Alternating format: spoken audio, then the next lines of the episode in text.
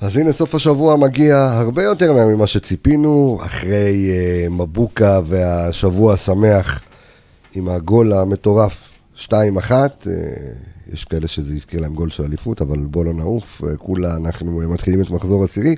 אבל התחושה הרווחת היא שקצת חוששים מבית"ר ירושלים, משחק קשה, משחק לא פשוט. רוני לוי מכיר אותנו טוב יותר מכולם, בסך הכל הביא לנו, אם אני לא טועה, ארבעה תארים, שלוש אליפויות וגביע, וזה הולך להיות קרב רב, כל הכרטיסים כאילו כבר עפו, אין מקום לשום דבר, אנשים בטירוף, ואנחנו הולכים לספר לכם בעיקר איך ביתר תנסה לשחק, איך תנסה להפתיע את בלבול, ובקרב הרביעי, העונה, אם אני לא טועה, אחרי בני יהודה, אחרי הפועל חיפה, ואחרי מכבי תל אביב, שאפשר לקרוא לזה משחק מול קבוצה עיקשת, מול קבוצה גדולה, אז פרק 6, 16, סליחה, פרק 16 של האנליסטים מעיר הקודש חיפה, כאן באולפן מקבץ התקשורת, אנחנו מתחילים.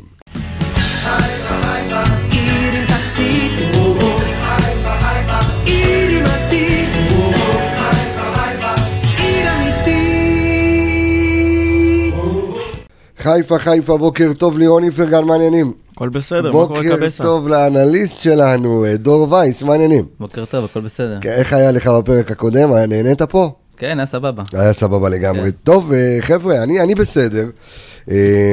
ככה מתכוננים, זה, זה יוצא לנו מאוד מאוד צפוף עכשיו המשחקים, אתה יודע, ימי ראשון, בימי שני וכזה, אבל אני חושב שהאווירה בשיא. בעיר, אתם מרגישים את זה? אתה מרגיש את זה, לירון? מאוד, אתה רואה את הקצב מכירת כרטיסים גם, אתה יודע, אחרי, בדיוק אחרי המשחק נגד הפועל תל אביב, עוד נכנסתי ישר לאתר של משרד הכרטיסים, ואתה רואה פתאום, אתה עושה רפרש, וכל רגע אתה רואה יציאה מתמלא ויציאה מתמלא, וזה זה קטע, מדהים. מדהים, מדהים, מדהים. הקהל שלנו בא, בא בהמונה, ואדור, אה, טירוף. כן, האמת שמרגישים את זה, גם זה היה דרך אגב נגד המשחק נגד בני יהודה, נכון. גם היה אצלם כמעט מלא, ודווקא היה חשש אחרי התיקו שפתאום משהו יקרה לקהל וזה ירד, אבל uh, שמח לראות שהקהל עדיין בטירוף ומרגישים משהו שונה השנה. טוב, אני גם חושב שעם הגול של מבוקה, עוד לפני שהוא רץ לחגוג, כבר אה, אנשים קליקו על, ה, על, ה, על, ה, על האתר של מכבי כדי אה, לקנות כרטיסים, אבל אנחנו אה, מצפים... מבוקה שווה איזה 4,000-5,000 כרטיסים אז. כן, אה? איש, איש המשחק. אה, איך מישהו, מבסוט. איך מישהו כתב בתגובה באחד, ה, באחד הפוסטים של, אה, שראיינו את מבוקה מיד בסוף המשחק, אז העלו את זה ב, בדף הרשמי של מכבי חיפה בפייסבוק, ומישהו שם הגיב שכל הכרטיסים אמורים ללכת אה, ישר לחשבון הבנק של מבוקה, אה, כי אשכרה הצליח אה, למלא, חלילה אם זה היה נגמר בתיקו, אה, לא יודע אם האצטדיון היה מלא. שמע, הבן אדם גם הציל לנו גול, גם כבש, מדהים. כן, נתן משחק, על אף שאם אנחנו ניכנס לניתוח, אז אם הגול הזה היה נכנס, הרבה באשמתו. הסגירה שלו הייתה רעה, אבל בסדר, אף אחד לא זוכר את זה, העיקר שהוא הציל. אבל אנחנו, אה, אנחנו מתכוננים ישירות כבר מתחילת התוכנית אה, לבית"ר ירושלים. בית"ר ירושלים קבוצה אה, חזקה. ואני אה, רק אספר למי שלא יודע, ואני מניח שכבר כולם יודעים, לא צריך להיות אה, לא אנליסט ולא אה, מומחה טקטי בשביל זה. אה, בארבעת המשחקים האחרונים, בית"ר ירושלים פשוט מנצחת, אה, והיא מנצחת בסדר הפוך. זה היה 4-0, אחר כך 3-0, אה, 2-0, ונגד הפועל כפר סבא 1-0. אז עכשיו נקווה עכשיו, שהם יישארו על האפס. על- שיישארו על האפס, כן. אז זו ההזדמנות, אם, אם אתה יודע, אם זה הולך לפי תורת המספרים, אז הם אמורים להישאר על האפס, נקווה, השאלה מה איתנו? אם אנחנו יכולים, אנחנו התחלנו בשלוש אה, מול uh, כפר סבא, וירדנו לשתיים מול הפועל תל אביב, גם 1-0 טוב 1-0. לנו, לא? 1-0 טוב לנו מצוין, חותם על זה עכשיו. נגד בית"ר ירושלים. דור, רגע לפני שנצלול אה, כולנו אה, לתוך הנתונים, והבאת לנו פה דברים משוגעים מאוד, אה, מה מחכה למכבי חיפה מבחינה טקטית? תראה, קודם כל יש לרוני לוי, ביתר התחילו את העונה לא טוב. רוני לוי לקח לו זמן עד שהוא מצא את הנוסחה שהרכב שהוא די מאוזן, שהוא יכול לרוץ איתו. קיבל אה, סטירה מול מכבי תל אביב? נכון, נכון. דווקא הסתירה הזאתי, אה, נראה לי דווקא העירה אותו שהוא צריך ל... לא ללכת עם הכוכבים נקרא לזה, שהרי היה מסע רכש לא נורמלי של חוגג פלומן ובניון. וכזה. בדיוק. הם פשוט עלו עם הרכב לא מאוזן, ודווקא הסתירה הזאת, לפי דעתי זה גם מה שראיתי, קראתי אחר כך שעשיתי אתמול אה, סקירה באינטרנט, שזה הדבר הכי טוב שהאוהדים אמרו שקרה לביתר. שקיבלו איזה סתירה, להתעורר, להבין שצריך לאזן פה את ההרכב, כי אי אפשר לרוץ ככה. תשמע, ו- בסך הכל ארבע נקודות מאיתנו. זה לא כאילו, נכון, אתה כן, יודע, זה... זה- סך זה- הכל מחזור העשירי גם, אבל. זה, זה כלום ושום דבר. לא, לא, נכון, אבל אתה יודע, זו קבוצה שבהתחלה, אחרי שראית שהם אה, הפסידו למכבי תל אביב, אה, ואמרת, זהו, הם מחוץ לתמונה, הם הפסידו, ל, ל, למי הם הפסידו בהתחלה? הפועל חיפה? להפועל רעננה הם הפסידו.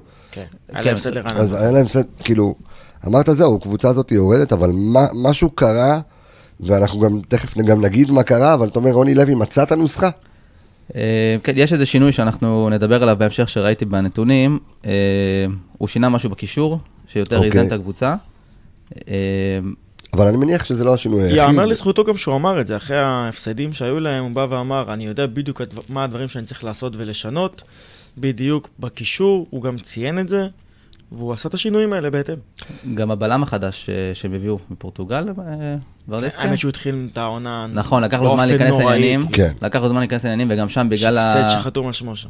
בגלל עד שהוא הגיע, היה שם איזה שינוי גם בהגנה שקצת הלך לרעתם, אבל גם עכשיו, גם על זה אנחנו נדבר, שיש איזה שינוי בהגנה שגם תורם לה גם מבחינה התקפית בצורה לא נורמלית, אה, גם יחסית לליגה, לא רק בביתר. יש, יש קצת חיסורים לביתר, אבל אני מאמין שרוני לוי ייסגר על עצמו יום ראשון וימצא איזה הרכב... אה, הש- השאלה הגדולה שנשאלת, ואתה יודע, יש אה, ויכוחים גם ברשת וגם אצל החבר'ה ואצל כולם וגם בקרב האנליסטים, איזה... האם מכבי חיפה צריכה לומר שיטה שעובדת לא מחליפים? אה, ו- כי מכבי היום קבוצה תוקפת בליגה, כובשת הכי הרבה בליגה, עם 18 שערים. האם צריך להתכונן אחרת נגד ביתר, או לבוא ולהגיד, עזבו אותי, כאילו, שהם יתכוננו אלינו, מה אנחנו צריכים? אנחנו צריכים לעלות אותו דבר, אה, ו- וזה אנחנו, ומי שרוצה שיתמודד. אז אני אגיד לך, היום בשיטה של את האנליזה וכל הסטטיסטיקה, זה נראה לי לא נכון להגיד, להגיד, לבוא ולהגיד, אנחנו לא מתכוננים למשחק, שיתכוננו מולנו. כי כשאתה מנתח את ביתר ואתה רואה שיש להם שלישיית אמצע מאוד מאוד חזקה ומאוד דומיננטית, ויש להם אגף ימין, שהם רוב ההתקפות שלהם הולכים דרך אגף ימין, אתה חייב לבוא ולעשות איזושהי הכנה, או לפחות איזה שינוי, או לא- להגיד לשחקנים את הנקודות האלה, שיעלו ויגידו, אוקיי, פה אנחנו צריכים לשים לב, פה צריך לשמור, כי אם הם יבואו עם שני שחקנים כל פעם מסן מנחם בצד שמאל, זה לא טוב לנו. צריך לעשות איזשהו כן שינוי טקטי להערכתי, שיבוא ויחזק את אגף שמאל לפחות בצד ההגנתי, או אפילו לא, לא לעלות ככה בצד, לא לעלות ככה ב, בנקות, בעמדות מוצא, אבל כן להגיד להם שב, שביתר תוקפת, שמישהו ילך שמאל, לעשות איזשהו שינוי טקטי תוך כדי משחק. כאילו שיהיה טקטיקה להגנה וטקטיקה להתקפה, זה גם אופציה. לירון, מה, מה, מה, לא- מה נקודת החולשה אבל של, של, שלנו? לא של בית"ר ירושלים, מה נקודת החולשה שלנו? אמ, אני חושב שנקודת החולשה שלנו היא תתבטא דווקא בפן ההתקפי דווקא. דווקא בפן ההתקפי? אני אגיד לך גם למה אני אומר את זה. מעניין מה שאתה אומר. אני אגיד לך למה אני אומר את זה. אוקיי. כי במשחק הקרוב, כמו שהוא אומר, הנקודת חוזקה של בית"ר ירושלים היא באגף הימני שלהם. ו- נקרא לילד בשמו אנטואן קונטה. בדיוק. כן. וברגע שסאן מנחם משחק שם, הם ישחקו על האגף שלו, זה טבעי. אתה יודע, עם קונטה וכאלה. כן. אנחנו, השחקן שישחק אצלנו, השחקן שישחק אצלנו, כן. שם בתפקיד, בשביל לבוא ולעזור לו, לדעתי, מרקו ישים שם את חזיזה. וכמו שאנחנו יודעים, חזיזה, אולי הוא נתן גול נגד הפועל תל אביב מהאגף הזה, אבל הוא פחות טוב מאגף שמאל. אוקיי. אבל השאלה אם זה לא, לא לבוא ולאבד שחקן, או לשים את שרי שם. ואז אתה גם מאבד, יכול לאבד את שרי, שבאמצע, לטעמי, הוא יותר אפקטיבי.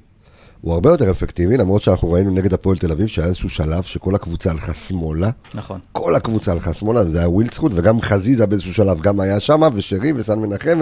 לטעמי זו הייתה הוראה של בלבול גם. אה, שוב, ודיברנו על זה בפרק הקודם, שזו הייתה הפעם הראשונה של מכבי חיפה העונה, שרוב ההתקפות הגיעו מצד שמאל ולאו דווקא מצד ימין.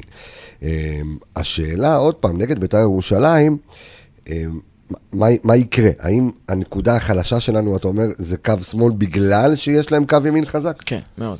ו- וזה גם הפוך, בגלל שיש לנו את מבוקה, אז הקו השמאלי שלהם גם יהיה חלש. מי יש להם בקו השמאלי? אה, גרצ'קין. גרצ'קין. פלומן, כן. אני לא יודע אם הוא יפתח לא- את זה. לא... או יש זה או שלום אדרי.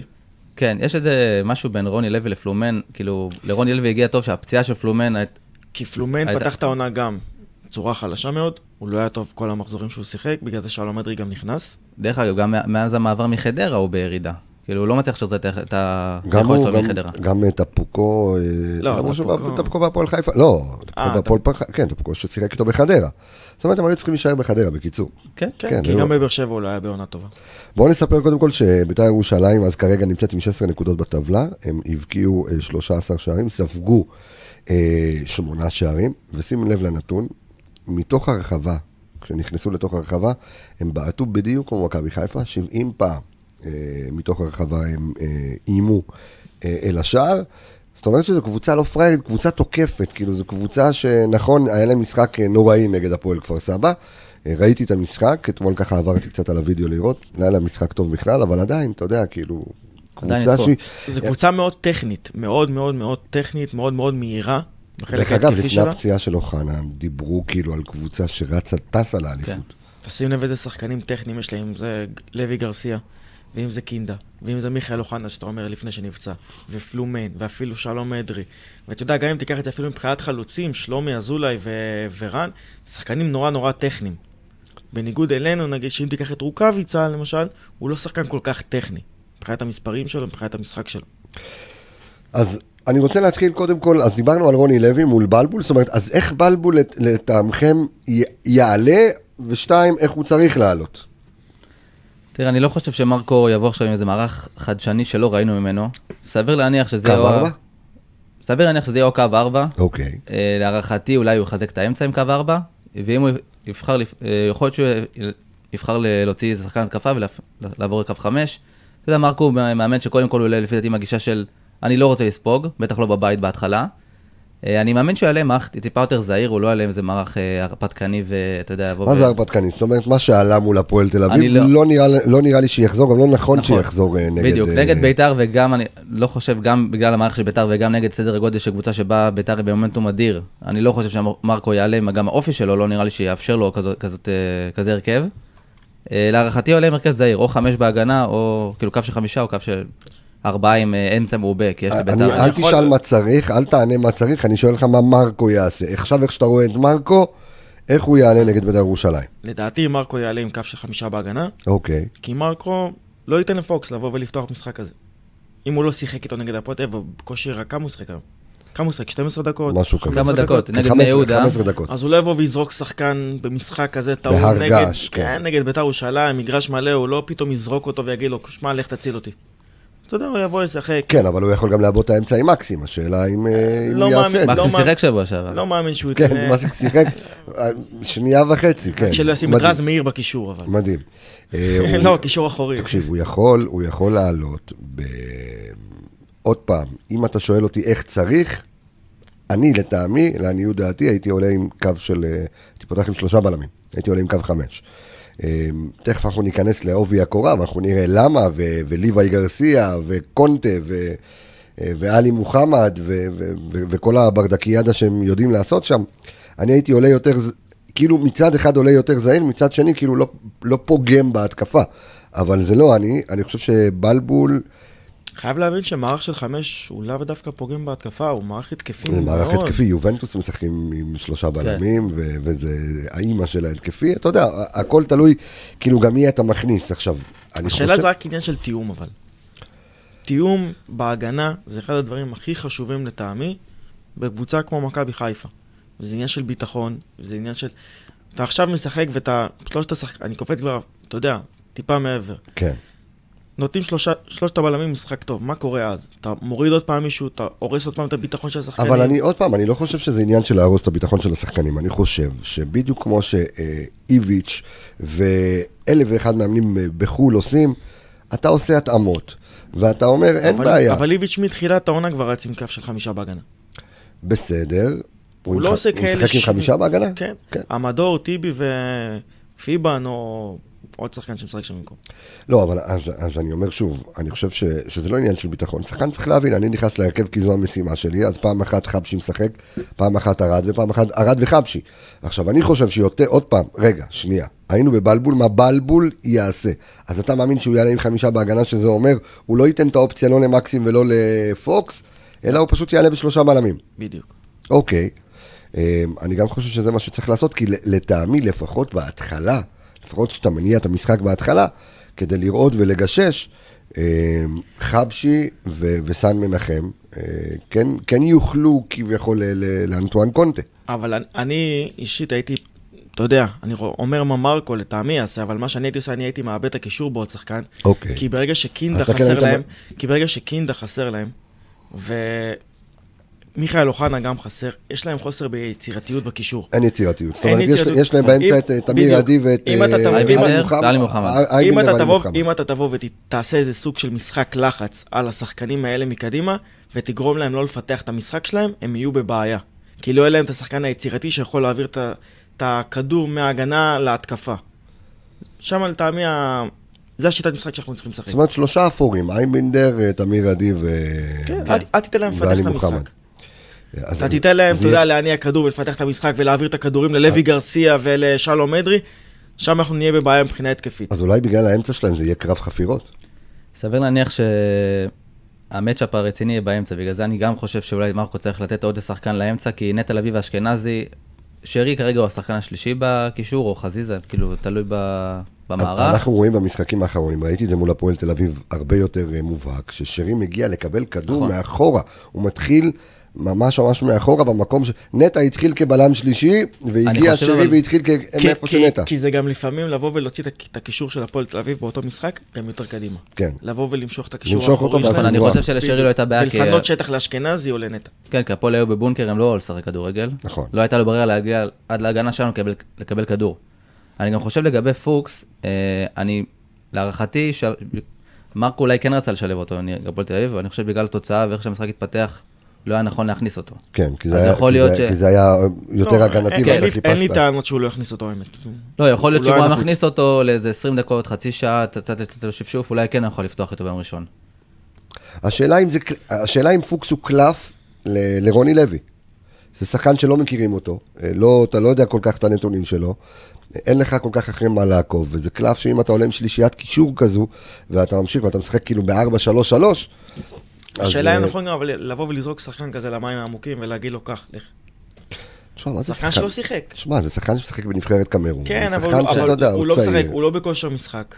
הוא לא שיחק מספיק. יש הבדל בין כושר באימונים שאתה נותן לשחקן לרוץ, לבין קצב באמת של משחק. אתה יודע, יש איזה סוג של לחץ כלשהו גם במשחק הזה. כן. כשאתה זורק שחקן כזה, זה גם גורם לו לאיזה עייפות, אתה יודע, מבחינה מנטלית, עייפות מטורפת ש... אתה יודע, יכולה לבוא לגמור שחקן כזה גם. הוא ייתן איזה חצי משחק, איזה מחצית לא טובה, בכלל אתה תאבד אותו ואת הביטחון שלו. אני חושב ששחקן כזה דווקא צריך לבוא ולשלב אותו נכון, במיוחד שהוא גם שחקן צעיר. אני רוצה רגע שנעבור, אה, בוא רגע ננתח את בית"ר ירושלים ונראה מה מחכה לנו. אני רוצה לעבור ולדבר על, אה, על אנטואן קונטה, אוקיי? כן. אה, שאני חושב שהתרומה שלו לבית"ר היא, היא אדירה. בוא תחדש לנו, אדון וייס, כן, אז ככה, קודם כל, קונטה התחיל כבלם, מה שדיברנו בתחילת התוכנית. בתחילת העונה. כן, בתחילת העונה הוא, כן. הוא התחיל כבלם, אה, בגלל עד שהבלם החדש נכנס לעניינים, עד שהחרימו אותו לפי דעתי גם, גם באיחור, כתוצאה מזה קוסטנטין היה באגף ימין.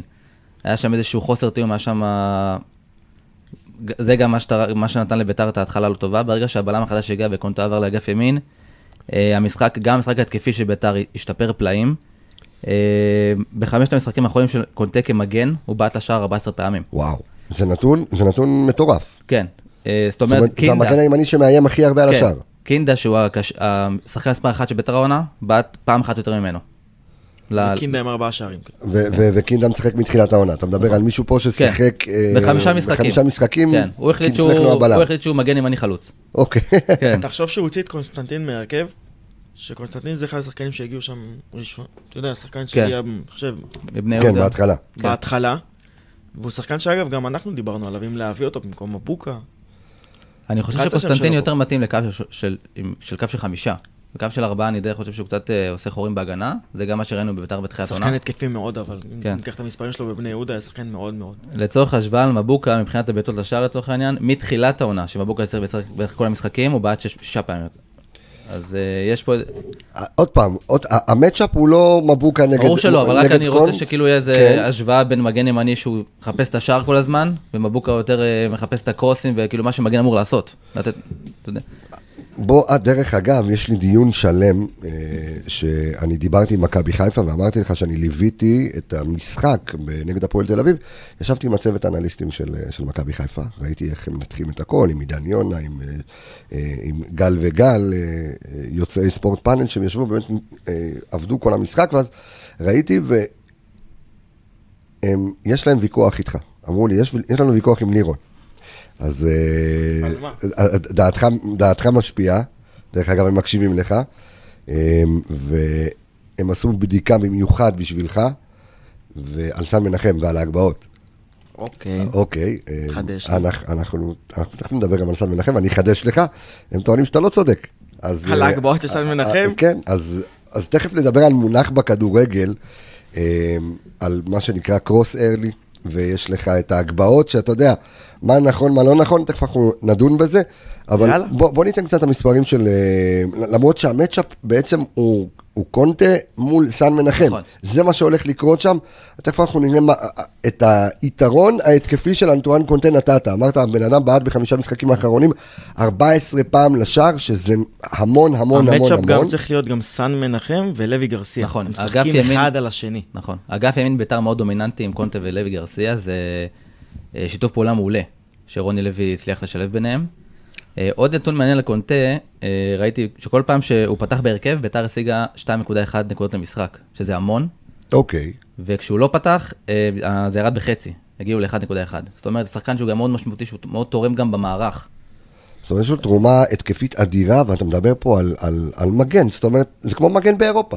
זה- זה תיקח כמו- תיקח כמו מגן באירופה. כמה משחקים אנחנו מנצחים בלי מבוקה?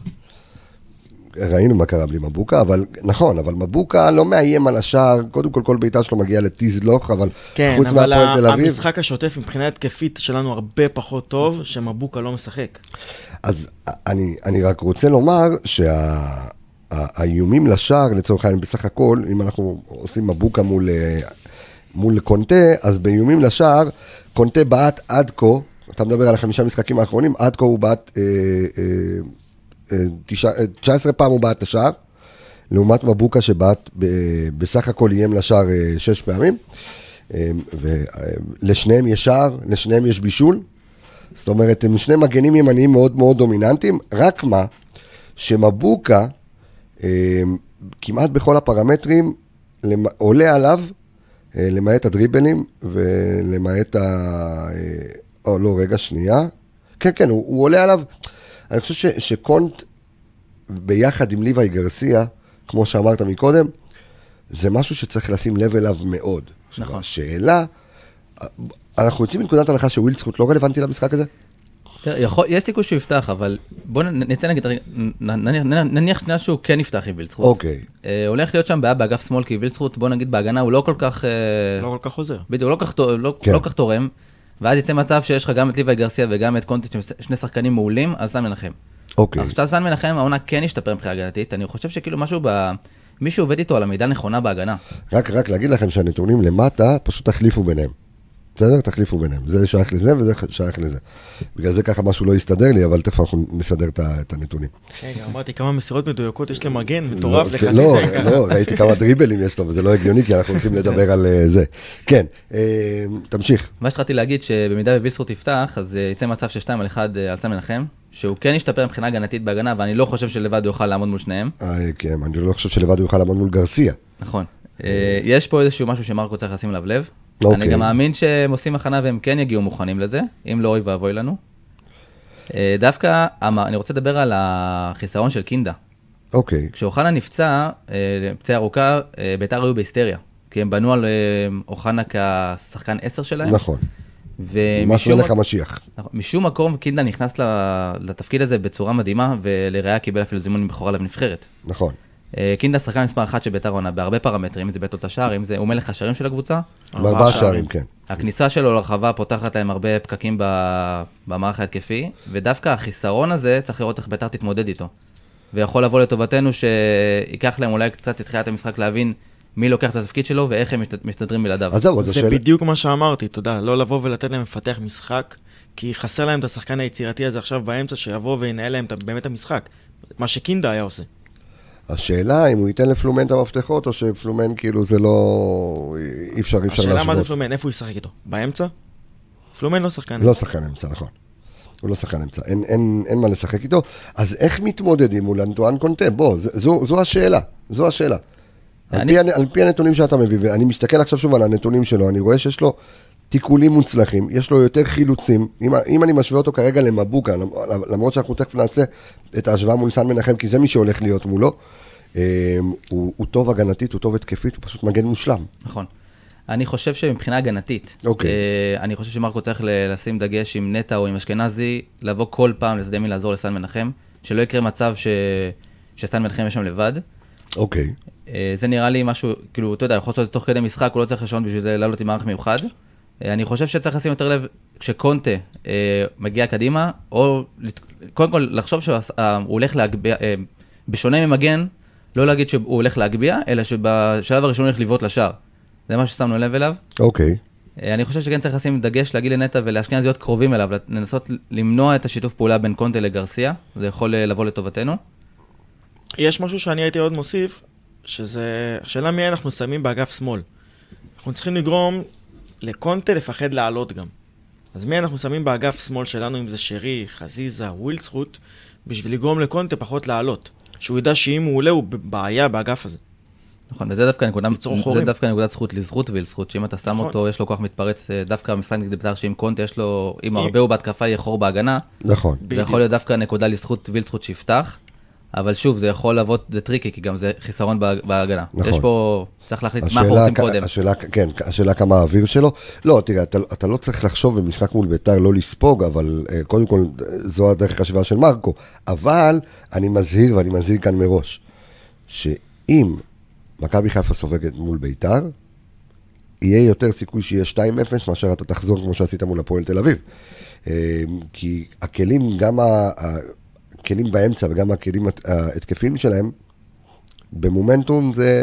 אני, אתה, אתה חייב אני לתת, לא, אתה אני, חייב לא לתת ראשון. אני לא יודע אם זה כזה נכון, כי במשחקים נגד בית"ר ירושלים לפעמים יותר קל לך קצת, כי הם קבוצה שלא מסתגרת. יותר קל לך. כן, כי הם קבוצה שלא מסתגרת. זה לא הפועל תל אביב עכשיו שראית, כבשו שער, ירדו לבונקר, שתי אוטובוסים, ויאללה, לך כן, תחפש אותי. אבל, אבל, ההבדל אבל שהפועל תל אביב לא חשבה שהיא תבקיע שער במשחק הזה. נכון. מבחינתה 0-0 זה היה חגיגות בבלומפילד. כן, אבל במיוחד אחרי ה-1-0, ראית את הבונקר שהם נכון. עשו, זה בונקר שלא מבייש את מוריניו עם אה, אינטר, מה שהם עשו שם. בוא נצ... אוקיי, אבל, אבל רוני לוי, זה מאמן ש... אתה יודע, אי אפשר להשוות אותו לכל מה שקורה בהפועל תל אביב. וזה נכון. לא מאמן, שזה מאמן מאוד מאוד חכם. מאמן שמכיר אותנו מאוד מאוד טוב, ואני חושב שגם היתרון, דרך אגב, שצוות אנליזה שלנו שמכין את מרקו, הוא עבד גם עם רוני לוי. ככה שמכירים את הראש שלו, יודעים איך הוא יעשה, מה הוא יעשה, ואני חושב ש... עוד פעם, רוני לוי לא פראייר. לא פראייר בכלל. אז איך אנחנו, איך אנחנו משחקים את המשחק הזה, באיזה מערך אנחנו משחקים את המשחק הזה, זו השאלה שמרחפת מעל כל הפרק הזה. איך עושים את ה... כי אני חושב שמכבי צריכה גם להוכיח לקהל שלה, שאתה צריך לנצח העונה קבוצה גדולה. אתה צריך חובה. הצהרה, ולנצח את בית"ר ירושלים, לא בגלל שזו בית"ר, ובית"ר לא כזו גדולה, כן, אבל בית"ר קבוצה חזקה, בית"ר כן, קבוצה אבל זו קבוצה עוצמתית. שמתמודדת. במומנטום. זה, כן, וזו קבוצה שנמצאת במומנטום, שאם אתה מנצח אותה, כי עד כה, נגד הפועל חיפה, תיקו. זה יישמע מצחיק להגיד את זה במחזור עשירי, אבל אתה יכול לגמור להם את העונה בניצחון שהוא, אתה יודע, אתה מרחיק אותה ממך שבע נקודות אם אתה מנצח זה גם מרחיק וזה גם גורם להם, אתה יודע, זה שובר, יכול לשבור אותם עוד פעם מנטלית, אתה יודע, במיוחד אחרי ארבעה ניצחונות, לבוא נגדנו למשחק גדול סוף סוף, אחרי שהם הפסידו, אתה יודע, למכבי תל אביב בבית, להפסיד למכבי חיפה זה יכול להוריד את כל האוויר, גם מההנהלה, גם מהקהל אצלהם, יכול לגמור להם את העונה לדעתי. גם מה שאני רוצה גם פה להוסיף לליאון, ואוהדי מכבי ירצו לקלקל ליוסי. הלוואי. גם. אני רוצה.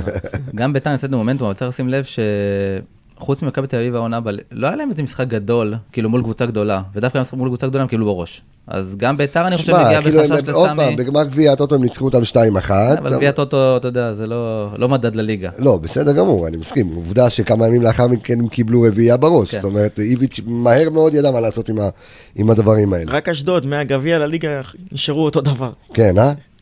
אה, טוב, אני רוצה שנעבור, אז דיברנו על, על קונטה, אז, אז הפתרון לקונטה הוא מה? הוא חבשי וסן מנחם או סן מנחם ווילצחוט? בוא, בוא, בוא נצא כאילו, ב, ב, או, או שאין לנו משהו, אנחנו אני לא, לא שאם תמימי וילצחוט- דעים פה. אני חושב שאם וילצחוט תפתח, אז אוקיי. הפתרון לא יהיה סתם מלחמת וילצחוט, הפתרון יהיה עזרה... עזרה, עזרה מנטע. עזרה מנטע או מאשכנזי, אשכנזי בדרך כלל. הולך יותר ימינה, זה זה כן, אשכנזי. אבל יכול להיות שמרקו ייתן להם, אה, ייתן להם הוראה להיות יותר באגף שמאל, לנסות לחסום, כי לא כל כך חוששים מגרצ'קין, ומי שלא יפתח ב- באגף שמאל במקום... אה, כרגע באגף שמאל אנחנו לא יודעים אם זה... אין- אין- אגב, גרצ'קין עם כמות עיבודי כדור בחצי הקבוצה שלו, הכי גבוה בבית"ר ירושלים. כי מבחינת כל שחקני ההגנה. בכ- בכמה אנחנו מדברים? אני תכף אביא לך את המספרים, אבל אתמול, שבדקתי את המספרים, הוא היה שם עם האחוז אחוז עיבודי כדור הכי גבוהים בבית"ר ירושלים מבחינת כל שחקני ההגנה. זה אומר שמשחק לחץ זאת עליו, אומרת, חגיגה למבוקה, צריך, צריך כאילו חגיגה, התקפית, אנחנו גם או צריכים ח- לשים את המשקל או גם בצד חזיזה, ימין. או גם חזיזה שעושה משחק לחץ.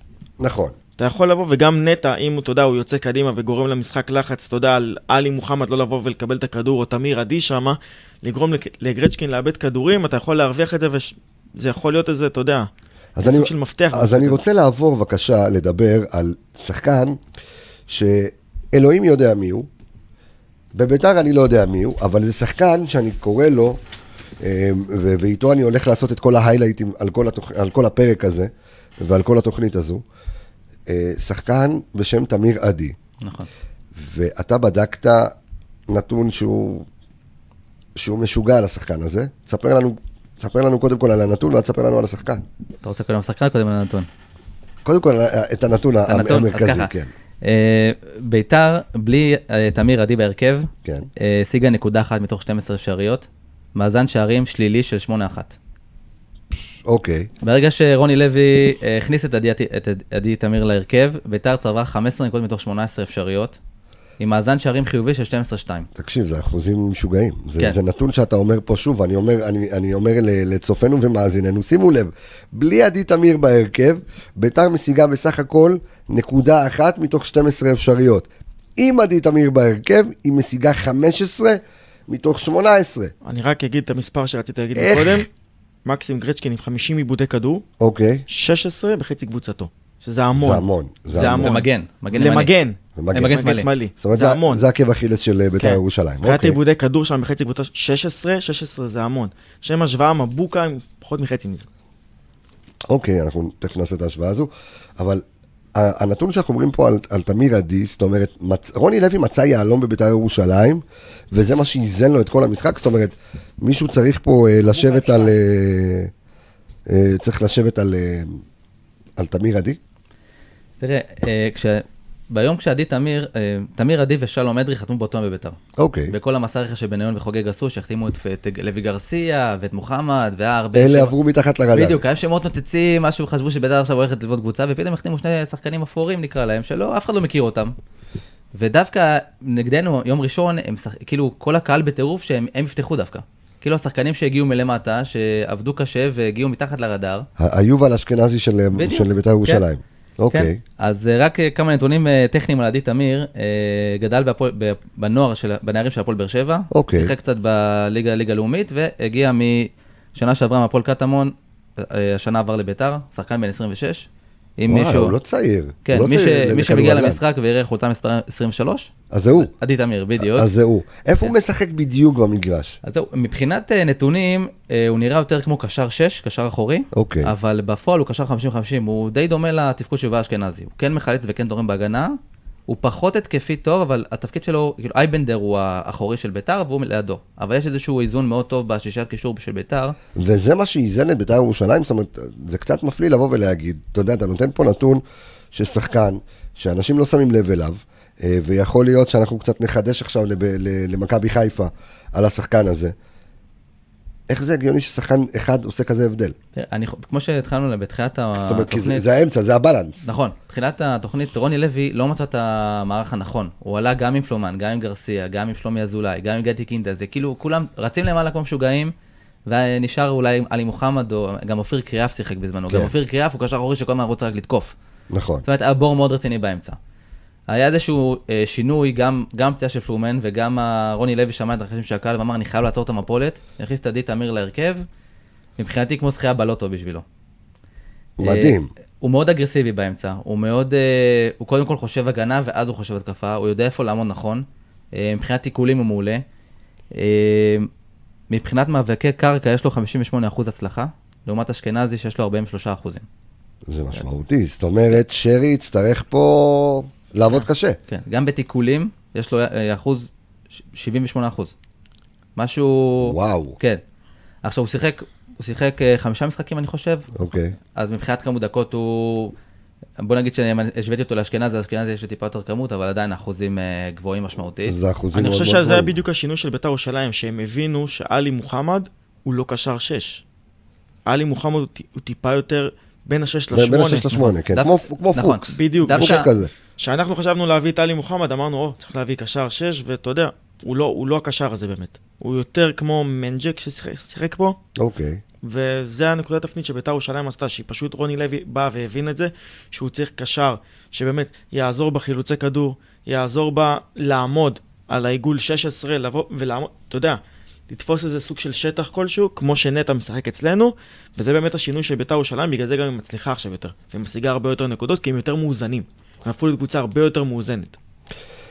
לגבי השלישיית קישור, אם אני יכול להוסיף משהו. כן, בוודאי. אה, יש אה, קישור חזק ועוצמתי עכשיו לביתר עם השילוב שרוני לוי מצא, שזה אייבנדר, שהוא בעצם האחורי, שהוא הוותיק. שיש אוקיי. לו, מבחינת תיקולים ו...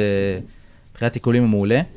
אה, עם עדי תמיר שהוא צעיר ומאוד אנרגטי ומאוד אגרסיבי, ואז זה מה שמשחרר את עלי מוחמד לצאת קדימה, ואנחנו מכירים את היכולות ההתקפיות של עלי מוחמד. וזה עם השילוב של קינדה, למרות שהוא הולך חיסרון, זה משהו שמאוד עוזר לביתר מבחינת התקפית. אז שימו לב לעדי תמיר, ואז אז איזה טיפ אתה נותן למכבי בשביל, אה, אתה יודע, להתגבר על, ה, על- על מה? על הבן אדם הזה? מה, אמצע יותר, מה, תראה, אני- טכני?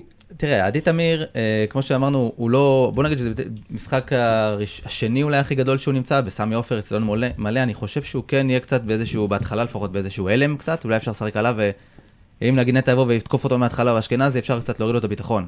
כי בכל זאת שחקן, אה, הוא לא צעיר, אבל הוא די צעיר בליגה שלנו. נכון. אוקיי. לא יודע אם הוא רגיל גם למעמדים כאלה, למשחק. של 20, 30 אלף איש. אז אה, טוב, אז אני, בוא, בוא נעבור לדבר על, אה, על השחקן לטעמי, שהוא, אה, דיברנו על קונטה, דיברנו על תמיר עדי, חידשנו, אני חושב, ל- ל- למרבית אוהדי מכבי חיפה, יכול להיות גם שגם חידשנו לאוהדי בית"ר ירושלים, על, על תמיר עדי, ואני חושב שבקבוצה חייבים לשים לב לזה ולראות איך בעצם מפצחים את השלישייה ה- המאוד קשוחה הזו של אייבנדר, מוחמד ו- ותמיר עדי, אבל הסחרחורת האמיתית היא תגיע מכיוון של אה, ליוואי גרסיה. של ליוואי גרסיה. אה, זה... שחקן מספר אחת של אה, ביתר מבחינת אה, דריבלים.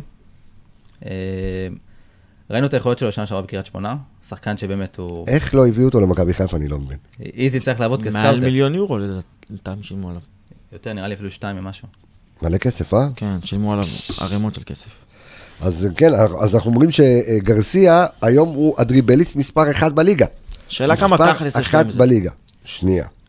אז בוא, אז אני יכול להגיד לך שגרסיה ב, אה, עשה דריבלים, אה, 91 דריבלים, אוקיי? לעומת הדריבליסט מספר אחד שלך בקבוצה, שזה חזיזה.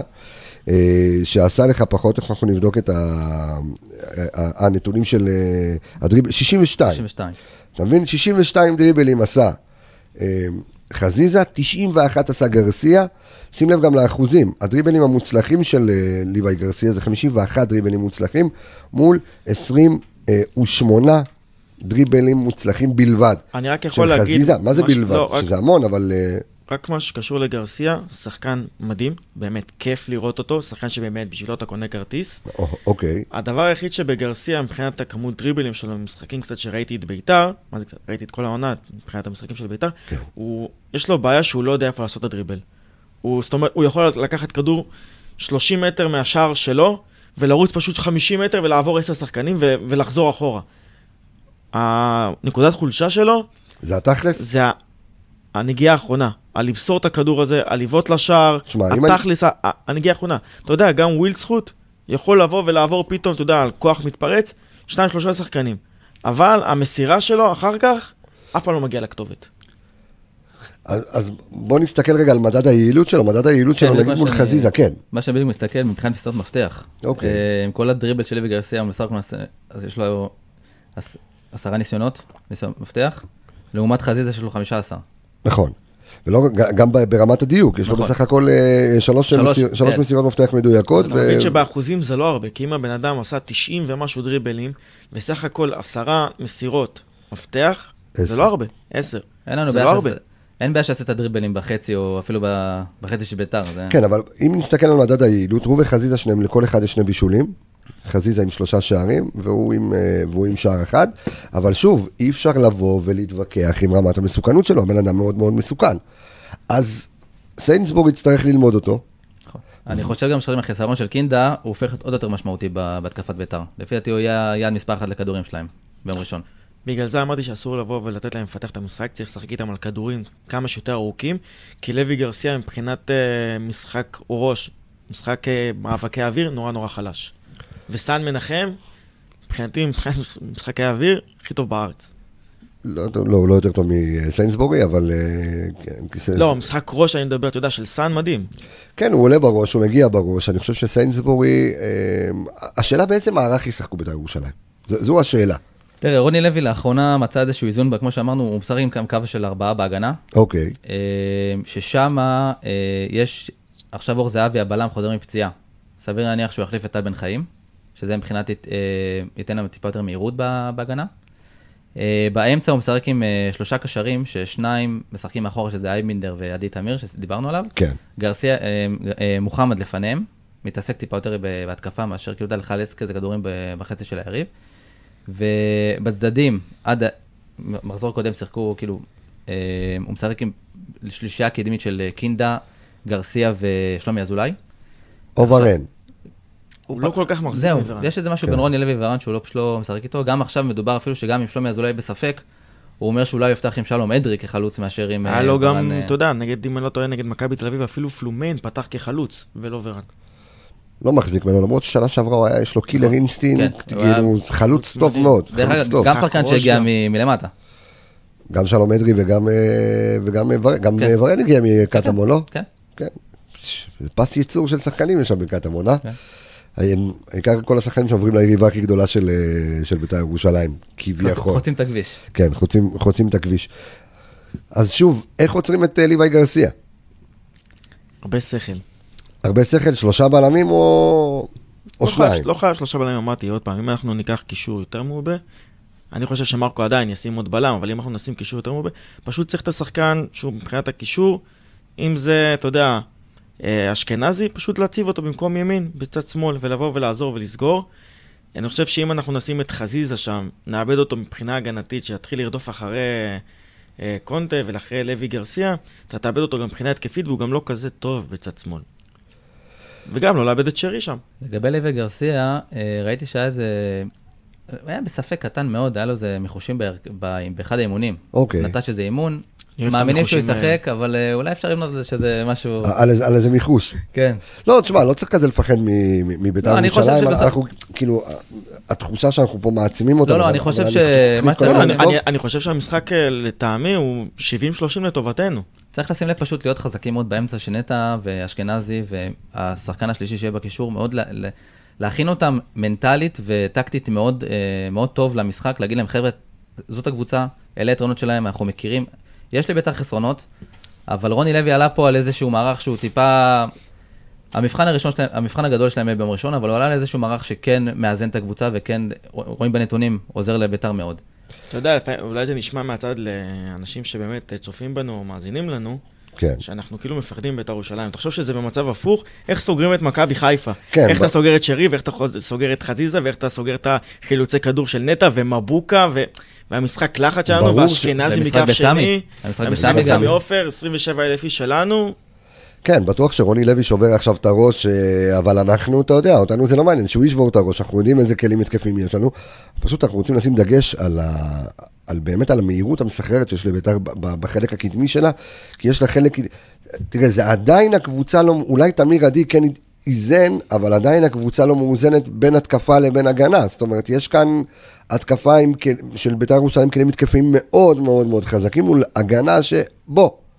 אם, ה, אם הסיירת מטכ"ל שלנו מגיעה לשם, אפשר לעשות להם שמות. בדיוק, אתה יודע, אם יבואו, יתקפו בית"ר ירושלים כל כך הרבה שחקנים, אתה יודע, מבחינה הגנתית הם יישארו חשופים, זו נקודה שמרקו צריך בהחלט לשים דגש עליה, לא לפחד. לגבי התקפה של בית"ר, אני רוצה לשים פה איזה נקודה ככה שיש את שלומי אזולאי, כן. האקס שלנו. אה, הוא אוהב אה, לכבוש מולנו הרבה. היה כבש נגדנו בסכנין, בהפועל כן, חיפה, איפה שהוא לא היה. קריית שמונה, הפועל תל אביב. כן. הוא ולידור כהן, שתי מנחוסים. לידור כהן. איפה לידור כהן בכלל? שהוא היה בביתר והיה במכבי פתח תקווה. אין מנחוס כזה. כן, אבל הוא לא משחק בביתר. לא יודע. איפה הוא משחק? איפה הוא נעלם? גם שלא יישב בקהל שלהם, כל עוד הוא שם הוא מנחוס. קפטן שם גם שיעלה אותם ליגה, הכל בסדר. אה, אבל אז רגע, שלומי אזולאי הבקיע, כמה הבקיע נגדנו? שבעה שערים. שבעה שערים, ראיתי שיש לו בעשור האחרון, יש לו 66 שערים.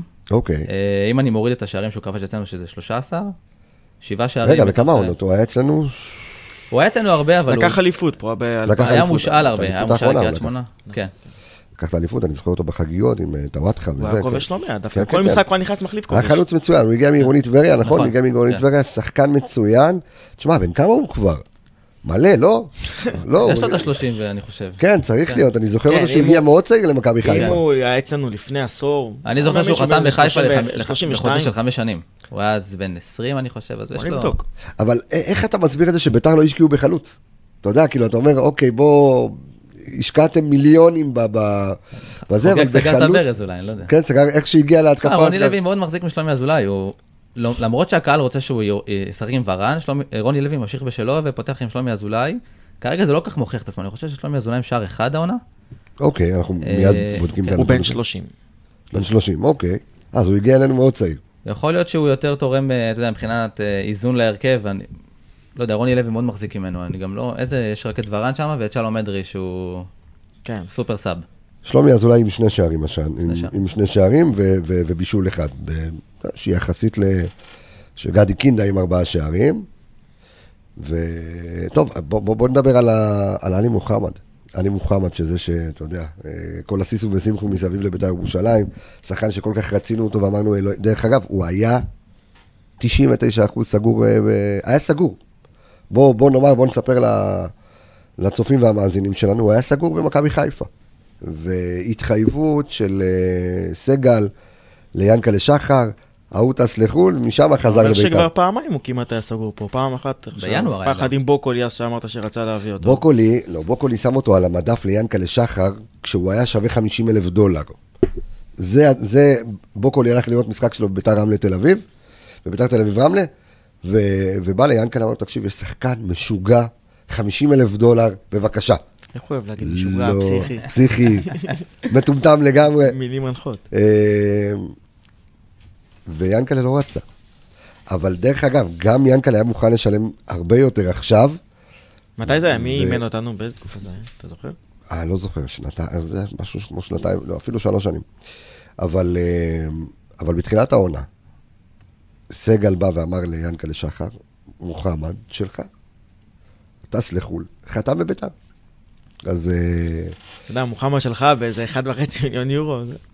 בסדר, עוד פעם, כמה הוא משמעותי אבל אה, לביתר ירושלים, אתה יודע. אה, תראה, מוחמד אני. חושב אני חושב שגם אנחנו רואים כמה הוא היה משמעותי למכבי נתניה. נכון. ברגע שהוא... מכבי נתניה מתפרקת, כן. כאילו, בלי, בלי עלי מוחמד. זה מדהים לראות כמה, כמה קבוצה באמת בנויה על שחקן אחד. במיוחד בתפקיד הזה, אבל, כי זה תפקיד שלטעמי השחקן הכי חשוב על המגרש. כן, תראה, עלי מוחמד, אה, אנחנו מכירים את היכולות שלו גם משנה שעברה במכבי נתניה. אה, יש לו מבחינת ראיית משחק ותיקולים ודריבל, הוא גם טוב בדריבל, כאילו הוא יכול לצאת, מש... לצאת, לצאת משטח ולשחרר כדור לצד שני בצורה מדהימה. אה, דווקא אני חושב שאיך שהוא יגיע יום ראשון למשחק, ככה ביתר תיראה. עם כל מי שדיברנו, בסופו של דבר אני חושב שהברומטר זה עלי מוחמד באמצע, אוקיי. במיוחד עם החיסרון של קינדה. כמו שאמרנו, עדי תמיר נותן לעלי מוחמד את האפשרות לצאת קדימה ולשחרר את המשחק ולנווט את המשחק כמו שהוא יודע. שחקן מאוד טוב, שחקן מאוד אגרסיבי, אה, חכם מאוד. אה, בוא נקווה שיהיה לו יום לא טוב, או שלפחות נוכל לנטרל אותו ב- בהגנה. השאלה מי אמור לנטרל אותו? נטע לביא? לטעמי יותר יהיה... נטע לביא תמיד זה, בהגנה תמיד בסוף זה מגיע נטע לביא. שנה שעברה מנג'ק ניטרל אותו. מנג'ק עשה לו בית ספר כן. שנה שעברה. מנג'ק כאילו חיסל לו את הצורה, נדבק אליו, לא נתן לו לזוז, עשה לו באמת בית ספר. השאלה, אתה יודע, אם, אם, אם יובל, יובל אשכנזי עכשיו הוא המנג'ק שלנו, אם אתה מסתכל על זה ככה. יובל אשכנזי אבל משחק קצת שני. כאילו, נכון. מנג'ק משחק יותר שמאלה אצל מרקו, נכון. יובל השנה יותר- יותר ימינה. אז לטעמי זה תלוי, תראה, הכל תלוי איך מרקו ישחק. אם הוא יבוא ויצרף עוד קשר ליד נטע ואשכנזי, כנראה שזה יהיה השחקן שיבוא ויצטרך לשמור על מוחמד. הכל תלוי איך מרקו יפתח. אתה יודע, זה מצחיק, כי אמרתי מקודם שאין איזון בין ההתקפה להגנה של, של בית"ר ירושלים, אבל שים לב שבארבעת המשחקים האחרונים הם על האפס. אבל צריך גם לראות... זאת אומרת, יש להם. יחס של 10-0. נכון. זאת אומרת, הם, הם לא סופגים שערים, אה, ו, וזה צריך, אה, וצריך לשים לב שעוד פעם, אני חוזר לתמיר עדי, אני חושב ש, שזה אולי, ה, זה אולי האיזון, אבל בואו נחזור אלינו. זאת אומרת, מה הכלים שאנחנו צריכים בשביל אה, לקחת שלוש נקודות במשחק הזה? כי זה משחק על זה לא הולך להיות. אלא אם כן קורה איזה משהו שהוא, אני לא יודע מה, ואתה נכנס לאיזשהו יתרון מוקדם, במיוחד עקב העובדה שאתה אתה לא מבקיע מחצית, מחצית ראשונה. הפער הוא, הוא מדהים בין הגולים שאנחנו מבקיעים מחצית שנייה, בדקות מאוד מאוחרות, עם כל הכבוד שמרו על, לכושר. היח... שמרו על זה גם נגד הפועל תל אביב. אנחנו שומרים על אותו קו. בדיוק, אתה שומר על אותו קו. אמ, והעניין הוא שאתה, אני אגיד לך מה, מה הפחד שלי. מול הפועל תל אביב, זה מצחיק, כמו שאמרת, הם הבקיעו ראשונים, הם הופתעו מזה. ואורי אלטמן אמר ממש בסוף המשחק, נבהלנו כאילו, הם הכניסו אחד-אחד, נבהלנו כאילו זה יובנטוס. עכשיו מכבי לא נבהלה, כי אתה החזקת בכדור כל הזמן. פה, אם אתה לא תיתן, תספוג ראשון, אתה תתחיל לרדוף אחרי בית"ר ירושלים, ואתה השנה קבוצה שלא רודפת אחרי אף אחד. אתה מחזיק בכדור או במשחק.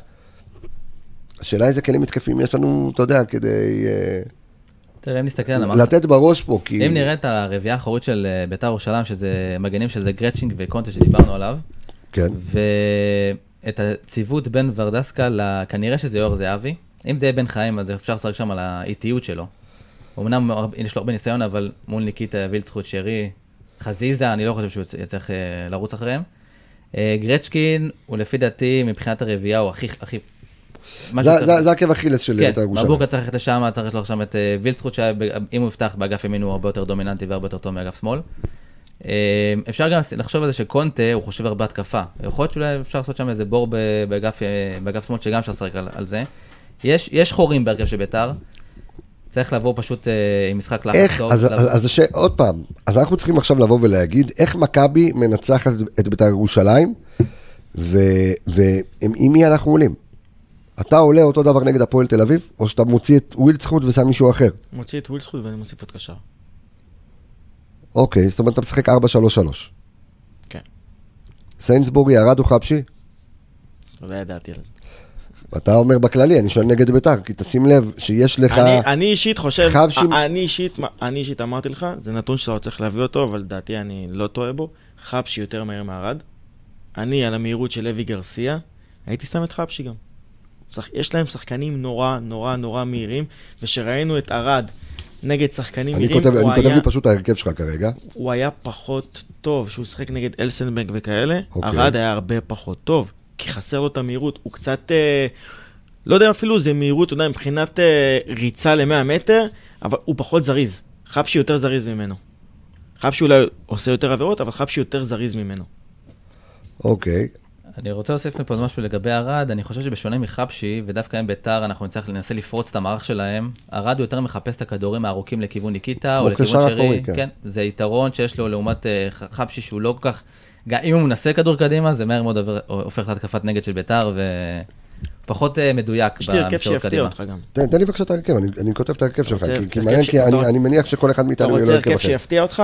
אני רוצה הרכב שלך, כן, תן לי את הרכב ההרכב. שלי שאני חושב שאם אנחנו נעלה בו, אנחנו גם ננצח. אוקיי, הייתי משחק עם אה, סיינסבורי וחבשי, ג'וש, מן הסתם, כן, סיינסבורי חבשי, סאן מבוקה. כן, הייתי משחק בקישור, כן. שים לב, בשלישייה האחורית, כן, נטע, נטע, אשכנזי. כן, וחזיזה. חזיזה באמצע, אוקיי. חזיזה מעניין. באמצע, הייתי לוקח את אשכנזי יותר שמאלה, שמאלה ואותו ימינה, אוקיי, ואשכנזי, ואתה יודע, ככה הוא אגב, שחק ככה בבני יהודה. אוקיי, הייתי משחק עם שרי, אוקיי. הייתי לוקח את אה, שרי על מה? על האמצע? שרי על האמצע, כאילו זה, אתה יודע, יהלום. אוקיי. הייתי משחק עם... אה, יש לך עוד שניים. יפה, חכה. עם ניקיטה ניקיטה. ושועה? בדיוק, ניקיטה ושועה. ניקיטה ושועה. אוקיי, מעניין. למה הייתי משחק ככה גם? כי ניקיטה, מבחינת מהירות שיש לו שטחים, יכול להיות מעולה שקונטה עולה למעלה, ושועה, וניקיטה, ושועה יכול להזין אותו ושועה, המון. ושועה גם יכול להזין אותו, נכון. וגם לגרום לקונטה פחות לעלות. לגרום להם, אתה יודע, לפחד לבוא וללחוץ כמה שיותר קדימה, כי בהתקפות מתפרצות, אתה יכול לטרוף אותם. אז זאת אומרת, אתה משחק 4, 3, 1, 2. כן. לגבי שועה, משהו כן. קטן, אני, אה, כש, אם שועה יפתח ביום ראשון, זה שחקן פחות אה, מבחינה הגנתית, ואני לא חושב שמרקו ירשה לעצמו להיות עם שחקן פחות אה, מבחינת אה, מערך הגנתי. דווקא אני מצפה ממרקו, תפתיע. תביא לנו משהו שרוני לוי לא מצפה לו. תפתיע אותם. אנחנו רוצים שהוא יפתיע, מרקו לפי דעתי לא... להפתיע זה עם פוקס. זה, זה להפתיע. זה לא להפתיע מערך כזה שאתה משחק עם שתי חלוצים פתאום? גם עם אה, שועה וגם עם רוקאביצה? זה לא להפתיע. זה, זה, סוג, זה, לקח, הכי מפתיע מה שאמרת פה זה לקחת את חזיזה אחורה. ואני חושב שיש פה, יש פה מאוד היגיון אה, ב- בלעשות אה, זה גם- 4, 3, 2, אתה- אתה 1. גם- אתה גם, אתה יודע, יש לך רביעייה כן. של יהלום, שאתה משחק איתם, נכון. שזה אמצע שאתה שולט בו. גם חזיזה הוא שחקן שבאוריינטציה שלו הוא בורח ימינה, הוא בורח לקו, יכול זה לעזור... יותר 4, 3, 2, 1 מאשר 4, 4, 2, 4, 4, 2 יהלום אתה יכול לקרוא לזה. כן, 4-4-2 יהלום, שאני לוקח את חזיזה ונותן לו קצת יותר ימינה, לבוא ולעזור למבוקה על הקו לעשות קרוסים. אני לוקח את אה, שרי, שמשחק חופשי, שיכול ללכת ימינה אני עדיין, ושמאלה. אני עדיין רואה את סאן קצת, אה, בבעיה שם. קצת לבד. בבעיה למה? לבד מול אה, גרסיה ומול אה, למה קונטה. לבד? אבל יש לך, תקשיב, יש לך שם, בגלל שזה בקישור, אתה לא מפחד לבוא ולאבד שחקן שיבוא ויצא הצידה, יש יש לך בקישור שלושה שחקנים. אוקיי, זה שלך, אוקיי, אתה... זה מביא ניצחון אתה- דבר אתה- כזה. אתה, אתה חושב, בסדר גמור. בטוח. אולי אתה צודק. אתה עם איזה מערך אתה עולה? אתה מפתיע או שאתה אומר בוא, בוא נשאר כמו מה שאנחנו מכירים, השיטה שלנו עובדת, למה לשבור את הראש? אה, בוא אולי נוציא את ווילדסקוט, אה, ניתן למישהו קצת, או שנשאיר את ווילדסקוט. האמת שאני לא סגור בעצמי מה אני חושב שצריך להיות. אוקיי. אה, אבל לפי דעתי, מרקו לא ישנה. הוא יעלה... עם עם אותו דבר, כמו כן. נגד הפועל תל אביב. אתה יודע מה, יכול להיות שהוא היה יפתיע וישים את רז מאיר בכנף שמאל, שהוא יותר הגנתי ויכול לעצור את. קונטה. כן, נכון. שהוא יכול לעצור את קונטה. יש שם, אתה יודע, שני מגנים בצד שמאל. כן. אה, גם אנחנו יודעים שרז מאיר תורם בהתקפה. ואז להעביר את כל המשקל ההתקפות לצד ימין. מאשר כאילו צד שמאל פשוט לחסום אותו, וצד בדיוק, ימין, כן. לשחק על צד ימין, כאילו, ואז ככה נשנע שם בוקה, חזיזה, ולתת גם לשרי להתחיל לזוז קצת ימינה יותר. לתת לביתר קצת לחשוב איך הם עוצרים אותנו. אוקיי, אז, אז אתה עולה אותו דבר, במקום, רז, במקום אה, ווילדסקוט רז מאיר. מעניין, כאילו 4, 4, 4, 2, אני מת על זה שמתאימים את הקבוצות אליי, אני פחות אוהב להתאים את עצמי. אתה לא מתאים, לא, אתה. לא מתאים את עצמך לביתר, אתה לא? מת... את- לא, תקשיב. שוב, אני לא אוהב את כל הקטע הזה של פחדני, לא פחדני, תקשיב, רוני לוי, משחק בית, מכבי חיפה, אתה די מקום שני. כבר עם המילה מכבי חיפה, אני לא אוהב את זה. מה זה אתה לא אוהב את זה? תקשיב. אתה מקום שני, את הקבוצה שנראית הכי טוב בליגה היום. לבוא ולהגיד, אתה עם 30 אלף צופים, 27 אלף שלך. על מה הפחד? לא, אין פחד, ממש לא פחד, אתה רוצה... לבוא, לעלות עם שתי מגנים בצד שמאל. אני רוצה לסיים סיבוב מקום ראשון, זה מה שאני רוצה. כדי לסיים... עכשיו תבוא ותתקוף, לא... אני לא, לא אמרתי, אבל אני אומר, אם אתה רוצה להישאר... אה, תראה, הוא עשה כאן שינוי אחד. למה שביתר לא יתאימו את עצמם אלינו? מי אמר לך שהם לא יתאימו את עצמם אלינו? לא, אנחנו כל הזמן מדברים להתאים את עצמנו להפועל תל אביב, להתאים את עצמנו לזה. כי אנחנו, כי, תקשיב, התפקיד שלנו פה בתוכנית זה לבוא ולתת את הניתוח ולהגיד, זה העקב אכילס שלהם, זה החוזקות שלהם, איך אנחנו מנצחים אותם, אוקיי? עד כה זה יחסית עובד. סבבה? אוקיי. כש... כשהוא לא הקשיב לנו, אה, מרקו בלבול, היה אחד-אחד, נכון? ועלה עם חבר שלך, עם חבשי.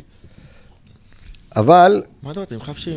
אה לא, ניצחנו עם חבשי? בוא'נה, ניצחנו. ניצחנו שלוש- ולא ספגנו אפילו. אתה עם חבר שלך. ארד, ספגנו. צודק, איפה ספגנו? אה, נכון. הפועל תל אביב. כן. הפועל תל אביב אחד, נכון. לא, זה אשמתו גם, אתה חושב? לא, יכול לא. להיות.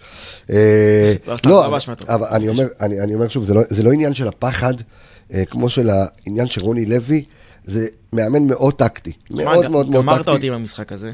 לא מפסיק להסתכל. נו, אני כל רגע רואה חילוצי כדור של זה, מסירות של ההוא.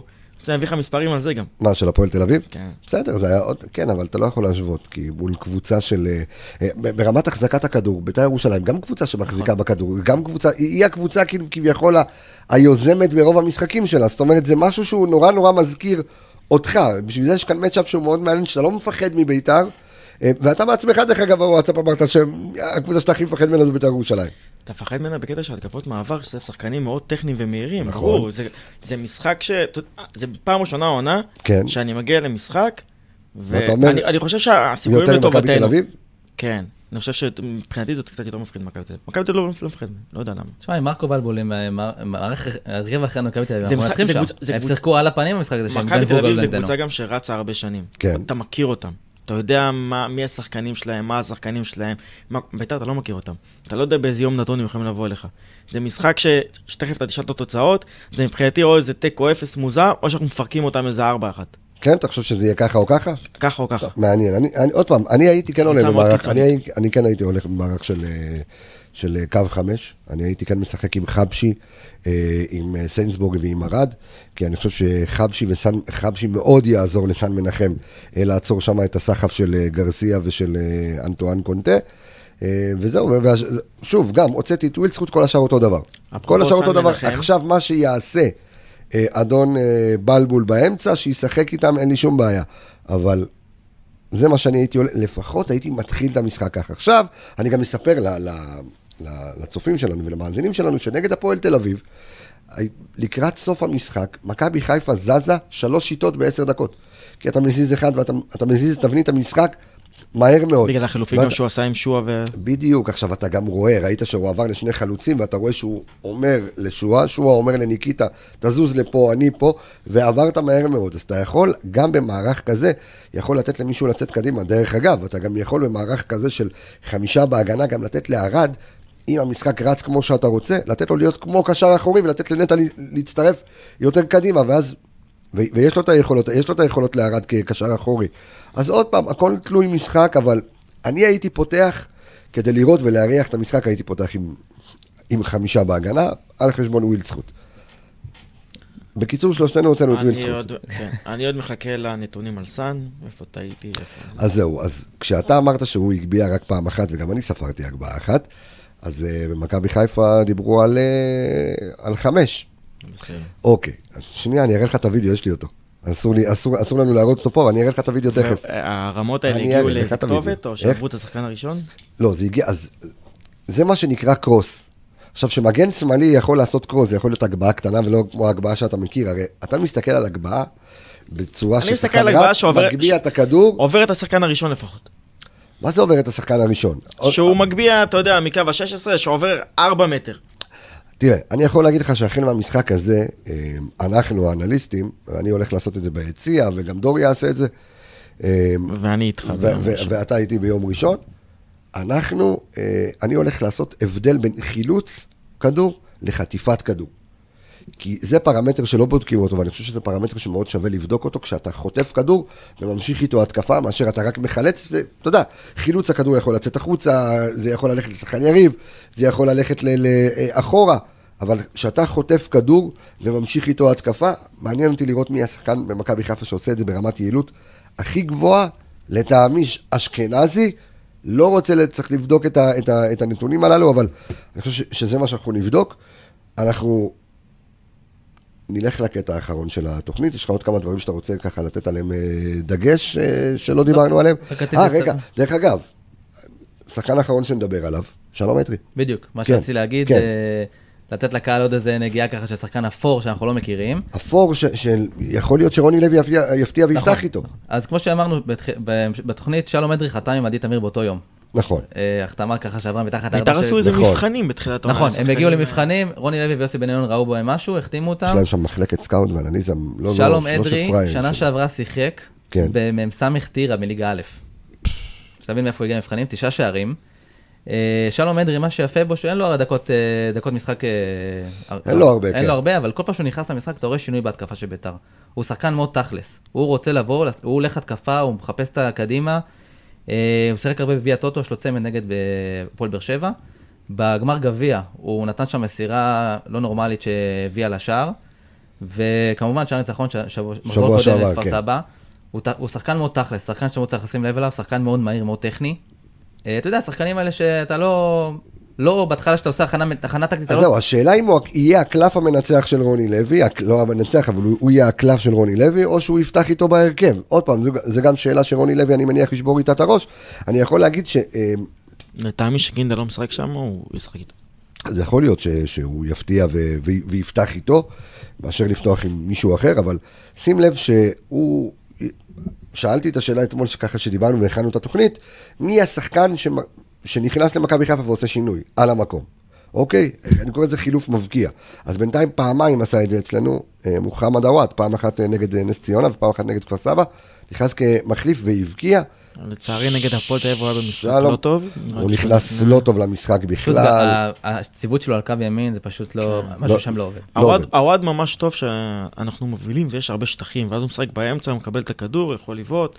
שהוא, יש לו את העניין הזה שלפעמים שקבוצה שנורא מסתגרת נגדנו, נכון. הוא מנסה להיות איזה מושיע שבא פתאום לנהל את המשחק 40 מטר מהשער של היריבה ולהתחיל, אתה יודע, ליד הבלמים לבוא ולקבל את הכדור ולמסור אותו, לא יודע, לאיזה מנחם, זה לא התפקיד שלך. צא קדימה, לך תהיה ליד החלוצים, תקבל את הכדורים במקומות שהם יותר מסוכנים, אל תבוא ותנהל לי את המשחק. לגבי מוחמד עוואד, כן. אה, דווקא אין לי פה את השורה הסטטיסטית שעשיתי אחרי הפועל תל אביב, כן. שיחק 36 דקות, אה, פשוט על קו ימין היה נוראי, פשוט משחק נוראי, קבלת החלטות גרועה ביותר, אני בדקתי את הסטטיסטיקה שלו מבחינת מאבקים, אני, לא, אני זוכר כמעט שאחד מתוך שמונה, אני חושב שהוא בכלל נכנס למאבק. בתור שחקן שמשחק קו ימין, אתה חייב לבוא ולעשות אה, הגנה, לבוא לתרום מבחינה אבל אתה- הגנתית. ואנחנו יודעים שהוא בעייתי הגנתית. יש לו, צריך משהו בקבלת החלטות שלו, לעבוד איתו על קבלת החלטות, כי יש לו משהו ברגליים, פשוט הקבלת החלטות שלו... לא, דרך אגב, אני חושב. שבפעמיים שהוא נכנס, אני חושב, אה, והבקיע, הוא נכנס לאמצע, הוא לא נכנס לקו ימין. בדיוק, כשמרקו מכניס אותו לקו ימין, זה פשוט גומר את המשחק. לא, נגד ו- נס ציונה הוא נכנס דווקא לאגף ימין. אבל כן, היה הרבה משם. שטחים שם. נכון. היה בדיוק, הרבה בדיוק. שטחים הוא שם. גם נכון. מקו ימין נכנס הרבה לאמצע בנס ציונה, זה מה שעשה את. גם הגול שלו, אני חושב. גם הגול. שלו בא כן, ימין, אתה כן, יודע שהוא נכון. נכנס לאמצע נכון, וכבש. נכון. אה, בסדר, הוא- הוא- אז הוא פעמיים נכנס, פעמיים הבקיע. אה, אצל בית"ר ירושלים זה היה... הגישה שלו הייתה נורא נורא אדרי. שונה בין שתי המשחקים האלה שהוא בא ואתה יודע, נכנס ובאמת היה טוב. נגד הפועל תל אביב הוא נכנס, אתה יודע, כמו... כבוי. סליחה על המילה, כמו מת. כבוי, כבוי. נכנס מאוד כבוי, לעומת ירדן שועה שנכנס באטרף משוגע. שהוא, תקשיב, כבר מהחימום, הוא כבר היה חם. אה, ראית לא אותו צריך רץ- להתחמם. רץ לקהל? לא צריך להתחמם, הוא היה רותח באותו רגע. רץ לקהל, טוב, יכול להיות ש... שהוא גם יקבל את המפתחות. מעניין אני מאוד. הייתי נותן לו. אז שוב, אמרנו, אתה, אה, אתה עולה עם אה, 433 או 442 יהלום, נכון? כן. אה, שזה אומר שאתה מוציא את אה, ווילדסקוט בחוץ, ובמקומו אתה מכניס את בדיוק. ליד ניקיטה. שני זה, אתה עושה שינוי אחד, אני ממשיך עם אותו אבל אצלי מערך גם כמו המערך שונה קצת. איך? אצלי המערך שונה, לא רק חילוף של ווילסון. כן, כן, כן, אתה הולך, אני ממשיך עם אותו מערך, אבל אני שם דגש מאוד רציני על האמצע של ביתר, שיש שם איזה matchup שאנחנו לא... לא לא יהיה מצב של שניים על אתה. אתה הוצאת את ווילדסחוט ושמת את אה, רז מאיר. הקהל לא יאהב אותי, אז אני אגיד שאני לא עושה את זה. לא, לא, למה? תגיד שזה זה, זה מה שאתה, זה על פי הניתוח שלך וזה בסדר, אנחנו ניתן את אני כל לא יודע אם אני הייתי האופציות. עושה את זה, אני חושב שמרקו חושב על הכיוון הזה, כי רז, רז מאיר נותן לו את היכולת ההגנתית גם אה, אני חושב שהוא עשה, את בקישור. ה- שהוא עשה את החילוף, שכולם הסתכלו עליו כתמוה, שהוא הוציא את ווילדסחוט והכניס את רז מאיר, ואז הוכחנו כאן בתוכנית עד כמה החילוף הזה היה נכון לתבנית המשחק. כבר אז אמרתי שיהיה מאוד נכון להכניס אותו במקום אה, ווילדסחוט נגד בית"ר ירושלים, אם הוא נשאר באותו מערך שהוא משחק איתו אה, בתקופה האחרונה. אני הייתי דווקא מתחיל, כמו שאמרתי, עם 5-3-2, אני הייתי מוציא את ווילדסחוט, מכניס את חבשי. אה, במקום, ואז באמת דווקא איך עוצר, שאנחנו נראים, עוצר את חצי. ראשון זה יכול להיות אה, טקטיקה נכונה. כן, אני אומר, חצי ראשון גם ככה אנחנו לא, לא עושים שום דבר, אה, כלום ושום דבר, אז אולי אה, כאן זה יכול אה, להפתיע, אבל אנחנו גם נוציא את זה לפרסום אחר כך, את, את, כל, ה, את כל ההרכבים שלנו, ונראה מי, למה ומה יתחבר הקהל, ואיך יעלה בסופו של דבר מרקו בלבול, איך המשחק הזה ייגמר. וואו, זה 1-0 עוד- קטן, 1-0 למכבי? ניקיטה. אוקיי, או איזה תיקו משעמם שאנחנו נותנים להם איזה ארבע. תן לי תוצאה. ארבע אחת. מה? 4-1 למכבי חיפה. כן. טוב, טוב, טוב, טוב. ואם זה קורה, אתה פותח עם זה את התוכנית. אני, בוודאי, בוודאי. אני לא אהיה איש בשורות, אני אל תהיה, נו. שתיים, שתיים. שתיים, שתיים. אני מסתכל על שתיים, שתיים. כאילו, אתה יודע, תיקו רב נפגעים, אני קורא לו, אבל שתיים, שתיים. זה, זה, זו, הלוואי, הלוואי. הלוואי, אינשאללה, ואני, ואני אתבדה, כי אני חושב שאנחנו נטעה גם בהתקפה וגם בהגנה, וגם הם יטעו גם בהתקפה אני וגם חושב בהגנה. שבמשחק הזה אנחנו פשוט, אה, אתה יודע, שווים שער, וברגע שהלוואי, לא. הלוואי ונפקיע את השער המוקדם הזה, שיגרום לביתר לבוא ולצאת החוצה, ש- ו- ואנחנו, אם ביתר יבואו ויצאו החוצה ויצאו עם כל הכלים שלהם, אנחנו עם התקפות מעבר ושחקנים נורא טכניים ומהירים, נכון. אנחנו יכולים לפרק אותם פה. בוא נראה, אני חושב, שוב, המחצית הראשונה, אני חושב שזו גולת הכותרת, כי עד כה הפערים הם אדירים בין המחצית הראשונה למחצית השנייה. אגב, אני גם אומר את זה בגלל המשחק שלהם נגד מכבי תל אביב, שראית שמכבי תל אביב כבשו את הגול, ביתר כן. כולם יצאו החוצה ופשוט מכבי תל אביב פירקה אותם. let's see, חברים, פרק 16 של האנליסטים הגיע לסיומו, אנחנו uh, כמובן נחזור יום, לאח, אה, יום אחרי המשחק ל- לניתוח של ה... שנקווה שזה יהיה מה שאומר הניצחון הזה. אה, עד, עד אז אה, אנחנו זמינים לכם בכל מקום, גם בספוטיפיי, גם אה, בסאונד קלאוד, גם בפייסבוק, גם באפל פודקאסט. והכי, אם אתם שואלים אותי, הכי כיף, הכי יעיל, ספוטיפיי, תעשו כושר, ת, ת, תוך כדי שינה, תוך כדי אלוהים יודע מה. תאזינו, יהיה לכם כיף. אה, חברים, ביי ביי, שבת שלום להתראות. להתראות.